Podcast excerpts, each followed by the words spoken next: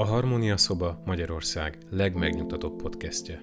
A kiegyensúlyozottságért, lelki egyensúlyért, belső harmóniáért. A mikrofon mögött bukta Tünde szakpszichológus, aki megosztja veled az emberi életben megélhető tudatos és tudattalan hatások magyarázatait.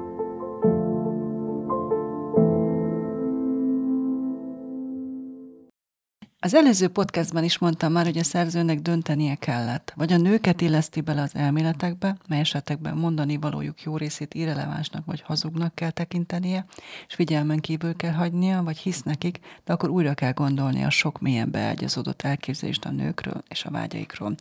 Úgy döntött, hogy a nőknél marad, mert akkor mondani valójuk konzisztens és sürgető volt.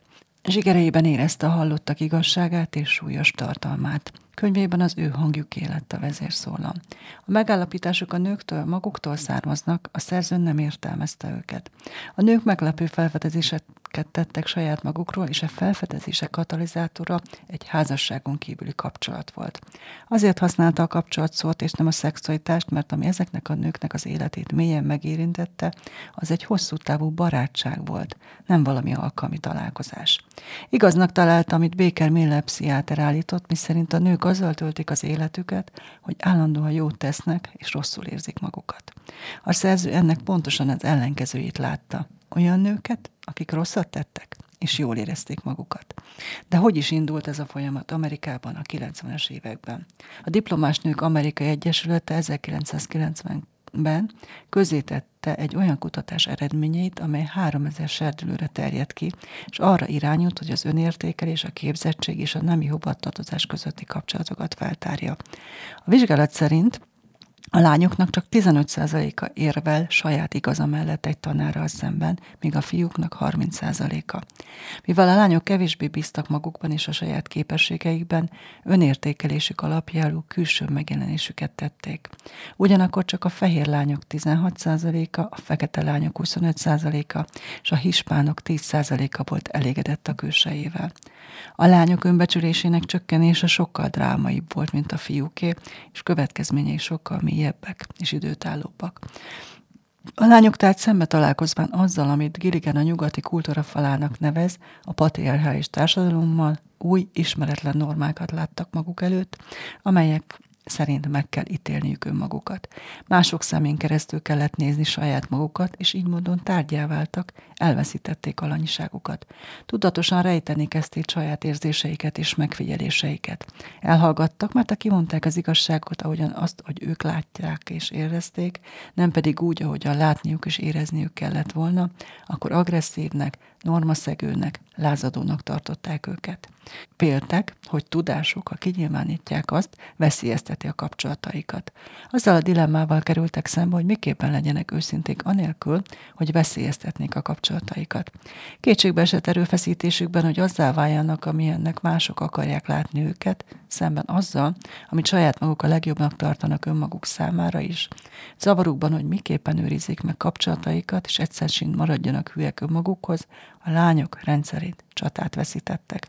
Cenzúrázni kezdték magukat, hogy mások kedvére tegyenek. Végül elveszítették a bátorságukat és tisztánlátásukat. A serdülő lány valódi szexualitását, azt, amit a saját testében megél, a tökéletes lánynál egy konstrukció helyettesítette. Az a számítás, hogy viselkedése milyen hatást gyakorol a fiúra és a saját jó hírére. Úgy alakította és prezentálta tehát saját magát, hogy másoknak tetszen. Olyan kultúrának próbált megfelelni, amelyik azt várja el, hogy szexisnek látszik, de ne legyen szexi. A tökéletes lány szexualitása csali volt. Célja csupán a préda elcsábítása volt. Későbbi célja a fér kihalászása, a házasság elnyerése. A nők, mikor némává és nem némkülévé válnak, amikor magukra öltik a tökéletes feleség jellemzőjét, ugyanazt a haragot, gyászt és veszteséget élték át, mint az a lány, aki a tökéletes lányjá változik át. Mikor ráismert a szerző erre a lányra a nőkben, megértette azt a paradoxont, ami eddig érthetetlen volt számára. Azt a paradoxont, hogy a modern, élettel teli saját szexualitásukat birtokló, azzal rendelkező nők miért adják fel vitalitásokat és szexualitásokat. Miért akarnak a néma és megcsonkított kis hablány nem nélküli felnőtt változatává válni? Hiszen akkor is volt néhány olyan serdülő is, aki a saját belső törvényeihez tartotta magát, és nem volt hajlandó feladni saját magával és másokkal való kapcsolatát, aki meg akarta kapni, amire vágyik, és nem azonosult azzal, ami mások szerint vágynia kellene. Más szóval ragaszkodott a saját belső hangjához, ami egyszer is, mint a saját szexualitásával is összekötötte őt. Gilligan ezeket a lányokat ellenállónak nevezte, mert elutasították a tökéletes lány ideáját, akiknek Természetesen a kapcsolata is tökéletesek. Ezeket a lányokat nem lehetett megvesztegetni őt, azok az elnyomhatatlan életerővel teli emberkék, akik elérték, hogy pszichológiai értelemben élők maradjanak serdülőkorban is, még akkor is, ha ezért rossznak nevezték őket. Több feleség tartozott beszélgető partnai közül az ellenállók közé. Sokan nem hódoltak be serdülőkorukban a tökéletes lány fantázia képének. Házasság előtti szexuális életük olyan korszakra esett, amikor ezt már nem ítélték el. Ezek a nők kitartottak a saját hangjuk, saját hitelességük és saját szexualitásuk mellett, egészen a házasságig. Sokakra hatottak már az olyan nyíltan szexuális ikonok, mint Madonna vagy Cher, olyan szerepmodellek, akik egyaránt támogatták őket a tökéletes lány imágójával szembeni ellenállásukban, a szexuális öröm felismerésében és keresésében is. De még ők is furcsa változáson mentek keresztül ennél az átmenetnél, ahol a kultúra és a nők vágyai megint keresztezik egymás útját. Házasságkötés pillanata az idilli kapcsolat, és a boldogan éltek, míg meg nem haltak csábítása éppen annyira erős volt, mint bármikor az előtt. A tökéletes feleségé válás lehetősége, akit örökké biztonságos falak fognak körül, egyszerűen ellenállhatatlan volt számukra is. Úgy látszik, hogy a házasságkötés az a pillanat, amikor még a legkeményebb ellenállók is kapituláltak a jóság eme antik normája előtt. Engem megdöbbentett, hogy a szerző írt arról, hogy hogyan is történt akkoriban a szexuális előtörténet eltemetése. A nők többség életének ezen a fordulópontján ugyanazt tette. Kidobtak minden olyan levelet, amit nem a férjüktől kaptak. A dolog üzenete az volt, szükségesnek tartottak egy igen alapos belső nagy takarítást, hogy megelőzzenek valami szörnyű leleplezést. Sok nő vezetett lánykorában naplót, és sokan megváltak tőle az esküvő előtt. Általában nehezen tudták megindokolni, hogy miért döntöttek így. Új életek készültek, amely viharos érzéseik régi ütött kopott dokumentumit irrelevánsá tette. Házasság előtti létük érzelmi története helytelenné, sőt megalázóvá vált. Aztán a tűzre hajították az egész paksamétát. Olyan volt ez az egész, mint egy szertartás, ami jelezte az átmenetet az új életszakaszba. Tehát az átmenet rítusa volt ez, ami a mennyasszonyá vállást volt hivatva ünnepelni. Egy olyan állapotba való átmenetet, amit érdemesít a házasságra. Arról szólt, hogy a nő egy egy új, jobb személyiségé válik. A szexuális előtörténet eltörlése a megtisztulást szolgálta, a kerességhez, az átatlanságot helyreállító más vallási szertartásokhoz hasonlóan. A részvevők úgy érezték, hogy ez a rétus nem egyszerűen csak helyén való, de dicséretes is a fér birtokosi jogainak és érzéseinek elismerése.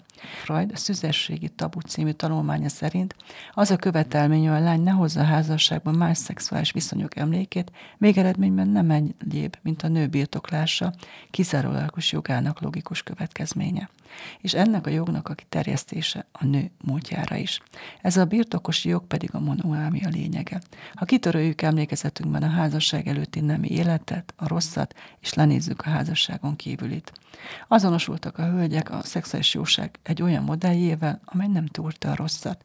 Mi másért lennének erre hajlandók a nők, ma ugyanúgy, ahogyan Freud idejében, mint az is boldogan éltek, míg meg nem haltak ígéretéért.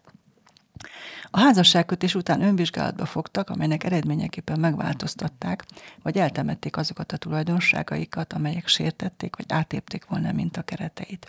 Érzéseik, tudások, élményeik és tapasztalataik, mindaz, amit testükben éreztek, tudtak önmagukról, a férfiról és a szexről, lassan elenyésztek, és átadták helyüket annak, amiről azt képzelték, hogy egy feleségnek éreznie, tudnia és átélnie kell. Így kezdődött az a folyamat, amely leértékelte a házasság előtt életüket és énjüket. Saját jóságukat egészen új kritériumok szerint kezdték megítélni, és magukével tenni a kiváltságos információt és státuszt, amit ajánlatosabbnak és kielégítőbbnek tartottak annál, mint amivel már rendelkeztek. A folyamat során maguk is olyan ideálisá váltak, mint, mint az a boldog kapcsolati világ, amelyen a kapuin beléptek. Megszabadultak a házasság előtti zavaros, zabolatlan érzéseiktől. A klasszikus pszichoanalízus felettesének nevezi a hangot, amelyik az erkölcs minden tekintélyét latva vetve az autentikus én fölé helyezi magát. A tárgykapcsolati eltvindeltek hamis nevezik. Dene Crowley Jack pedig a nő és a depresszió szerzője felettes szemnek nevezi, mert figyeli és túlkiabálja a nők hiteles énjének hangját. A nő a kell hangjának elítélő és moralizáló tónusát a lelkismertlennek tulajdonítják, mintha a nők valódi érzései részének adna hangot. Jack szerint ez nem egészen így van. A felettes szem határozottan patriarchális beállítottságú. Abban is, hogy mit tart jónak és helyesnek egy nő számára, és abban is, hogy milyen készségesen ítéli el és kárhoztatja érzéseit, ha azok eltérnek az által elvártaktól. A felettes szem könyörtelen elítéli a nők autentikus törekvéseinek a legtöbbjét, beleértve azt is, hogy kapcsolataikban szabadon szeretnék kifejezni önmagukat, kreativitásukat, szellemiségüket. Mivel a felettes szem ítélete a női jóságról, igazságról és értékekről a társadalmi konszenzusra épül, hatalmában áll felülbírvelni a személyesén autentikus álláspontját mivel a hang a kultúra által előírt viselkedés követeli meg, és nem azt, ami a nő számára természetes lenne, amikor kapcsolatokban probléma merül fel, a felettes szem hangja még erősebb lesz. Rámutat arra, hogy a nő hibái miképpen vezettek a problémák kialakulásához, és mindenért, amit elröntött, őt okolja. Ezen a ponton a szeretet elnyerésének a felettes szem általi kialakultott elmélete nemhogy veszíten erejéből, hiszen a valóságból bizonyította tarthatatlanságát, hanem éppen megerősödik, hiszen az autentikus személyes én meggyőződése kevesebb tekintélyel bír, mint az, amit a kultúra és a személyes történet kialakított. Sokan leírták azt a kultúra által indukált elkölcsi imperatívuszt is, amelyet a nők egész életükben éreznek, és amely rákényszerít őket a kapcsolatok kialakításának és fenntartásának a vállalásáról. A nők önmagukról kialakított képe kibogozhatatlanul összefonódott azzal, hogy hogyan töltik be ezt a hivatást. A kapcsolatokban végbe menő események a legfontosabbak számukra, önmaguk meghatározásában és értékelésében. Hogy a kapcsolati történéseknek tulajdonított morális jelentés mélyen befolyásolja az önbecsülésüket. És az a nő, akibe a későbbi férj beleszeretett, még élő volt. Aztán házasság folyamán kisebb lett, kiszáradt, fagyott, félholt, vagy csak az álmaiban élő. A nők negatívan minősítették ezt a megszerkesztett önmagukat, mint árnyékot, hűazbabát, vagy egy sajátos zombit. A rengeteg munka után, amit abba fektettek, hogy jó feleségek legyenek, nem tartották sikeresnek magukat. Rosszabbul érezték magukat, hiányosabbnak, deformáltnak. Úgy érezték, hogy túlságosan visszafogottak, vagy éppen túlkövetelezőek. Túlságosan suták ahhoz, hogy kifejezzék, ami a házasságban vágytak, vagy nem elég energikusak, nem elég kitartók az, ahhoz, hogy tisztázzák ezt a kérdést. Önmagukban is bizonytalanok voltak, mintha a lényegük változott volna meg. A házasság ugye a nőknek egy másfajta létezési módja, nem egyszerűen csak egy másik életstílus. A férfiak esetében ez nem így volt. A férfiak szubstanciája nem változott. Ők nem adták át legmég önmagukra egy részét, hogy azután soha ne lássák viszont. Jó kérdés, hogy felad egy férfi bármit is a legbensőbb önmagából, amikor megnősül. Nem. A nők szerint a férfi is választhatja a szexuális kizárólagosságot, amikor megházasodik, akár csak a nő, de nem változtatja meg önmagát. Mindketten a hűség ugyanazon szabályának engedelmeskednek, ám a férfiaknak nem kell azt hilleniük, mint ez a legbensőbb természetükből fakadna. A férfiak birtokolják saját szexualitásukat. Soha nem követelik tőlük, hogy megtagadják azt, vagy lemondjanak a tulajdonjogukról. A nős férfi megőrzi a saját szexualitását és a kizárólagosságot választja. A férjezett nőktől azt várják el, hogy váljanak inherensen monogámmá, mint ha csak szexualitásuk könnyedén átférhető lenne bárhova, hiszen valójában nem a saját birtokuk, mint a szexuális kizárólagosság mélyen gyökerező, biológiai adott női személyiségvonás lenne. Ha a férfiak a hűséget választják, az magától értetődően kívülről jön. A nőktől elvárják, hogy bensőjükből fakadjon. Eközben a nők azzal az érzéssel küzdenek, hogy misztikus, de mégis konkrét módon visszahúzódóvá váltak. Sem férjükkel, sem magukban nem kutattak már új szexuális lehetőségek után. Ehelyett folyvást a kapcsolat javítására törekedtek. Néhányan elmondták, hogy belebetegedtek a kommunikációs próbálkozásokba. Azt érezték, hogy az öröm számukra nem hozzáférhető, az csak a nem férjezett nőknek jár, a feleségeknek. Nem. Véleményük szerint a feleség szerepe az örömökről való félreérthetetlen nyílt lemondás. Ezért a tényért senkit sem hibáztattak. Úgy érezték, hogy a házassággal együtt el kell fogadniuk az érzelmi és szexuális igénytelenség pozícióját.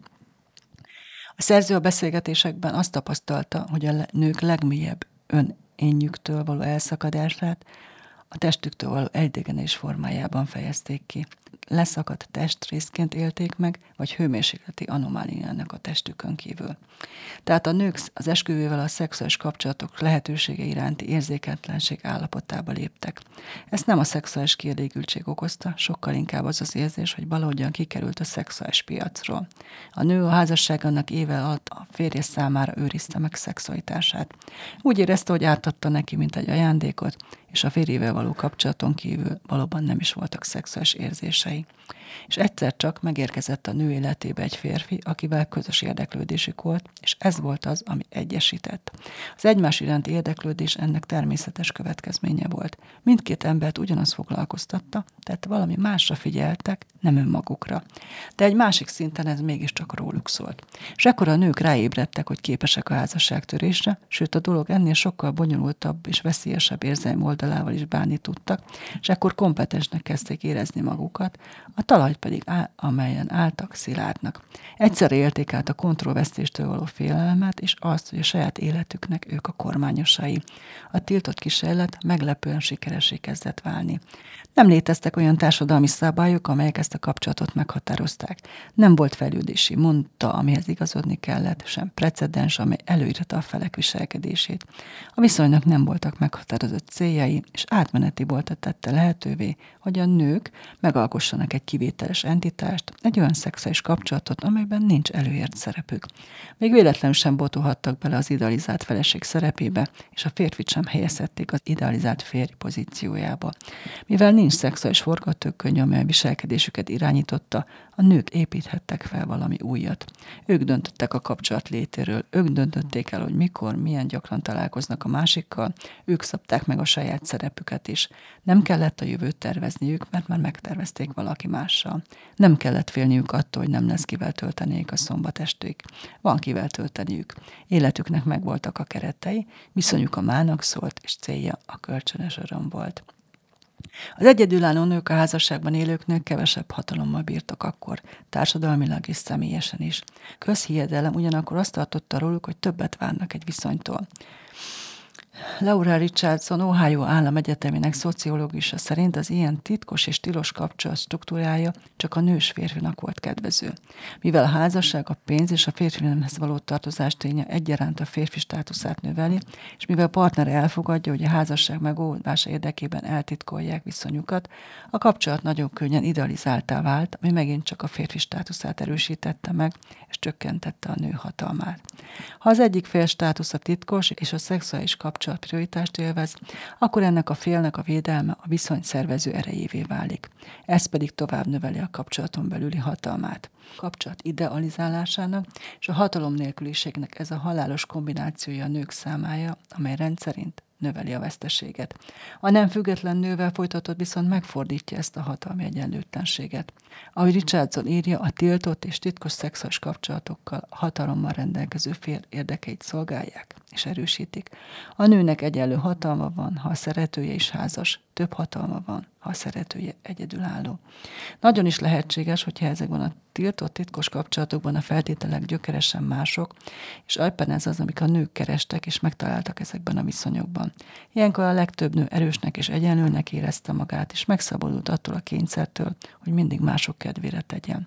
Ezek az érzések tartalmazták és definiálták örömöket, állították helyre hitelességüket, és szabadították fel akaratukat és szexualitásokat.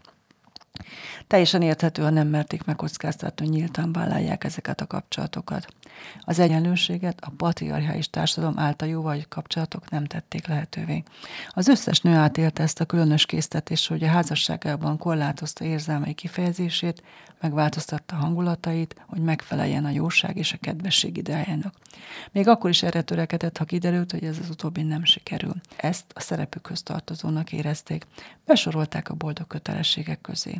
Az egyik nő azt mondta, hogy nagyanyáink szorítsd össze a fogad és bírt ki típusú szexuális élete, és az övé között az egyetlen különbség, hogy az ő generációja azt hirdette magáról, hogy szereti a szerelmet, ezért senki nem tesz úgy, mint a kötelesség boldogtalan volna.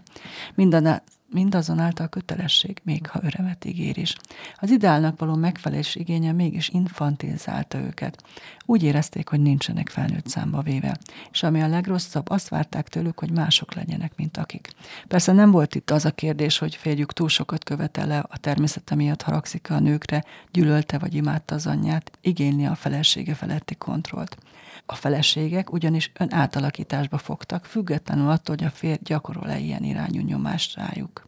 Önszátukból kényszerítették magukra az ősi rendet, amely olyan régi, hogy már nincs is szüksége külső ösztökélésre. Úgy tűn nekik, hogy már réges-régen házasságuk korai szakaszában alkalmazkodtak, az elkerülhetetlen és megmagyarázhatatlan parancshoz, hogy rejtsék el érzelmeiket és szexualitásukat. Szemmel láthatóan nem az változtatta meg őket, hogy a házasságon kívül kapcsolatban megtaláltak valami ideálist. Éppen ellenkezőleg, amit találtak, az tökéletlen volt, hétköznapi és kényelmesen ismerős. Nem önmagukon kívül keresték többé a boldogság forrását, amely tanult értékeik szerint boldogá kellett volna, hogy tegye őket. Önmagukban néztek és ráébredtek, hogy ami boldogá teszi őket, az egészen más dolog. Nem arról beszéltek, hogy milyen csodálatos az új kapcsolat, hanem arról, hogy milyen jól érezték magukat benne. Nem idealizált énképről beszéltek, hanem arról, hogy hibáikkal és hiányosságukkal együtt látják egymást. Nem olyan kapcsolatokat írtak le, amelyekben dükknek, szenvedésnek, konfliktusnak nem lehet helye, hanem hétköznapi kapcsolatokat, ahol az egymás szembeni harag kifejezése érték, és ahol a konfliktus épp úgy része a kapcsolatnak, mint a játékosság, szex és a beszélgetésre. És ezekben a hétköznapi tökéletlen idealizációtól mentes kapcsolatokban a másik örömmel üdvözölte legmélyebb, leghitelesebb ényüket. Ettől nem csak felszabadultak, de úgy érezték, hogy megtalálták azt, ami az életükben a legfontosabb, ami igazán számít. Azzal, hogy a szerelmük a házasságon belül elszigetelte és fásult eltette őket. Azokban a kapcsolatokban viszont, amelyeket az örömére alkottak meg, sem idealizáltnak, sem magalázottnak nem érezték magukat. Szexualitásukra életre kelt, éppen olyan biztosan is rendíthetetlenül, mint ők maguk. Ezek a nők kivétel nélkül elmondták, hogy a dolgokat más perspektívából és szokatlanul világosan látták. Olyan fajta meglepő változásra számoltak be, mint az a rövidlátó, aki először kap megfelelő szemüveget. Létezik egy sztereoszkóp nevű optikai eszköz, amely két kisi eltérő szemszögből fényképezett, két különálló lencsén átközvetített, kétdimenziós fotót egyetlen háromdimenziós képpé egyesít. A nők elmondták, saját életüket két különböző szempontból nézték. Az egyik szempont a feleségek konvencionális jósága volt, a másik pedig a szám kivetette ki, aki törvény nélküli szabályozatlan terepen mozog. Most képessé váltak arra, hogy ezt a két képet, a férjezet és a jóságos önmaguk, meg a házasságtörő rossz maguk képét egyetlen, háromdimenziós képé egyesítsék, és így keletkezett kép élesebb és teljesebb volt, nagyobb mélységgel és több dimenzióval bírt, mint egyes képek önmagukban. Egyszerre tudták a kereteken belül és kívül látni önmagukat. Úgy érezték, hogy sokkal becsületesebben tudják értékelni életüket és a kapcsolataikat most, hogy új perspektívájukkal, más kritériumok szerint képesek látni a világot és önmagukat. Önértékelősük, mely azelőtt csak azt írta le a részletekbe menő, hogy mi a rossz bennük, megváltozott, nyelvhasználatok is megváltozott, megszabadultak az elmarasztaló önértékeléstől, amely arról szólt, hogy nem elég jó feleségek, vagy arról, hogy túlságosan önzők, túlhájas a combjuk, túl. Most már nem arról beszéltek, hogy nem eléggé valamilyenek, vagy túlságosan is valamilyenek. Kiléptek a csendből, és újra megtalálták saját alóz érzéseik elveszett szókincsét. Ebből a szókincsből hiányoztak a kellek, jelen voltak viszont az örömszínes szavai. Már a házasságtörésnél elveszítették a tökéletességre való jogosultságukat, elkezdték érzékelni életük mély áramlatait, nem próbáltak többé kizárólag a csalókán nyugodt felszíni rétegekben úszni. A mély rétegekben lubickoltak, ahol mozgás volt és élet, a fizikai énjük helyreállt, a testrészek megkerültek, a hangszárgyulladások meggyógyultak, a zombi álmok megszűntek, a viaszbabák felolvadtak. A nők azt a változást tartották legtöbbre, hogy most már képesek voltak látni, ami rácson belül volt, de azt is, ami kívül volt rajta. Hogy képben voltak, és ugyanakkor a saját bőrükben is, a saját életükben is benne voltak. Néhányan elmondták, félnek attól, hogy esetleg elveszíthetik ezt a tisztán látó nyitott szívényüket. Úgy érezték, hiányzik belőlük az a védekező mechanizmus, amivel megvédenék. És a szerző a könyve végén leszögezte, hogy nem a házasság, mint olyan, okozta annak a bonyolult tulajdonsághalmaznak a posztolását, amit női szexualitásnak neveznek. Éppen ellenkezően hihetetlen lehetőségeket kínált arra, hogy nők felfedezzék és kifejezzék azt. Mégis a házasság alkalmából találkoztak potenciális tolvajukkal, a tökéletes feleséggel. Ők, és nem a férjek, és nem a férfiak, akik veszélyeztették a mennyasszony érzelmi, lelki és szexuális jólétét. A nő kétségtelenül a férfi gondolkodás acélböltönének a terméke, a patriarchális társadalom ismerős maradványa. Még mindig él, noha már nem a férfiak idézik meg, erre már nincs is szükségük. A nők maguk vetélkednek vele, még ha szándéktalanul és gyakran tudattalanul is. Még akkor is, ha közben gyűlölik. És a tradicionális házasság még mindig annak a nőnek erre a döntésére épül. Azoknak a nőknek a házasság, akikkel beszélt, akkor vált örömtelévé, amikor sikerült elpusztítaniuk a tökéletes feleséget, és összetörniük azt a merev intézményes keretet, amely fogva tartotta szexuális énjüket. Pontosan a konvencionális jóság volt az, amelyet a nő a házasság együtt vállaltak, és amelynek révén státuszukat és az elfogadást megtalálni vélték, ami rombolta őket és rombolta férjeiket is, és amelyet szét kellett zúzniuk ahhoz, hogy mindkettőt megmentsék. Aztán arra a paradox felismerésre jutottak, hogy a jóságon való túllépés viharos folyamata nem csak őket szabadította fel, hanem férjeiket és házasságokat is megszabadította a fagyos érzésektől. Mindkettőjüket kiszabadította abból a toronyból, amelynek oly sokáig a fogjai voltak. Paradox módon a férfiak is azt érezték, hogy az élettel, melegséggel, szexualitással teli nő, akit feleségül vettek, az évek során valami mássá változott, és az ő vitalitásukat is megcsapolta. Ezek a nők ugyan házasságuk létét kockáztatták, de megtalálták elveszett vitalitásukat, és a nehézségek ellenére visszahozták a házasságukba. Az öröm által átformálva megváltoztatták a házasságukat is, és több örömet vittek bele. Összefoglalásul azt mondhatjuk, hogy a házasság, amelyre oly nagyon vágytak, megadta nekik a kapcsolatot, de olyan keretek között, amely nagyon van messze estek az ő vágyaiktól. Nem azért érezték rosszuk magukat, mint ha rossz lett volna a házasságuk, vagy mert nem teljesített be az álmaikat, hanem éppen azért, mert egy álmot teljesített be. Csak éppen ez az álom nem az ő álmuk volt. A nők valójában soha nem a boldogan éltek, míg meg nem haltak, történetre vágytak, amelyben a kisház ajta őkre becsukódik a házaspár mögött. Azoknak a történeteket, amelyeket elmeséltek, nem volt előre megírt befejezése. Hősnéjét nem zárták be egy olyan helyre, ahol már nem várhatott rá több kaland. Számukra a viszony az ajtó kinyitását jelentette, és történetük csak a kezdet. Úgy érezte a szerző, hogy azoknak a nőknek is, akik nem rendítik meg a társadalmi struktúrát ilyen alapvetően, meg kell tanulniuk uralni azt.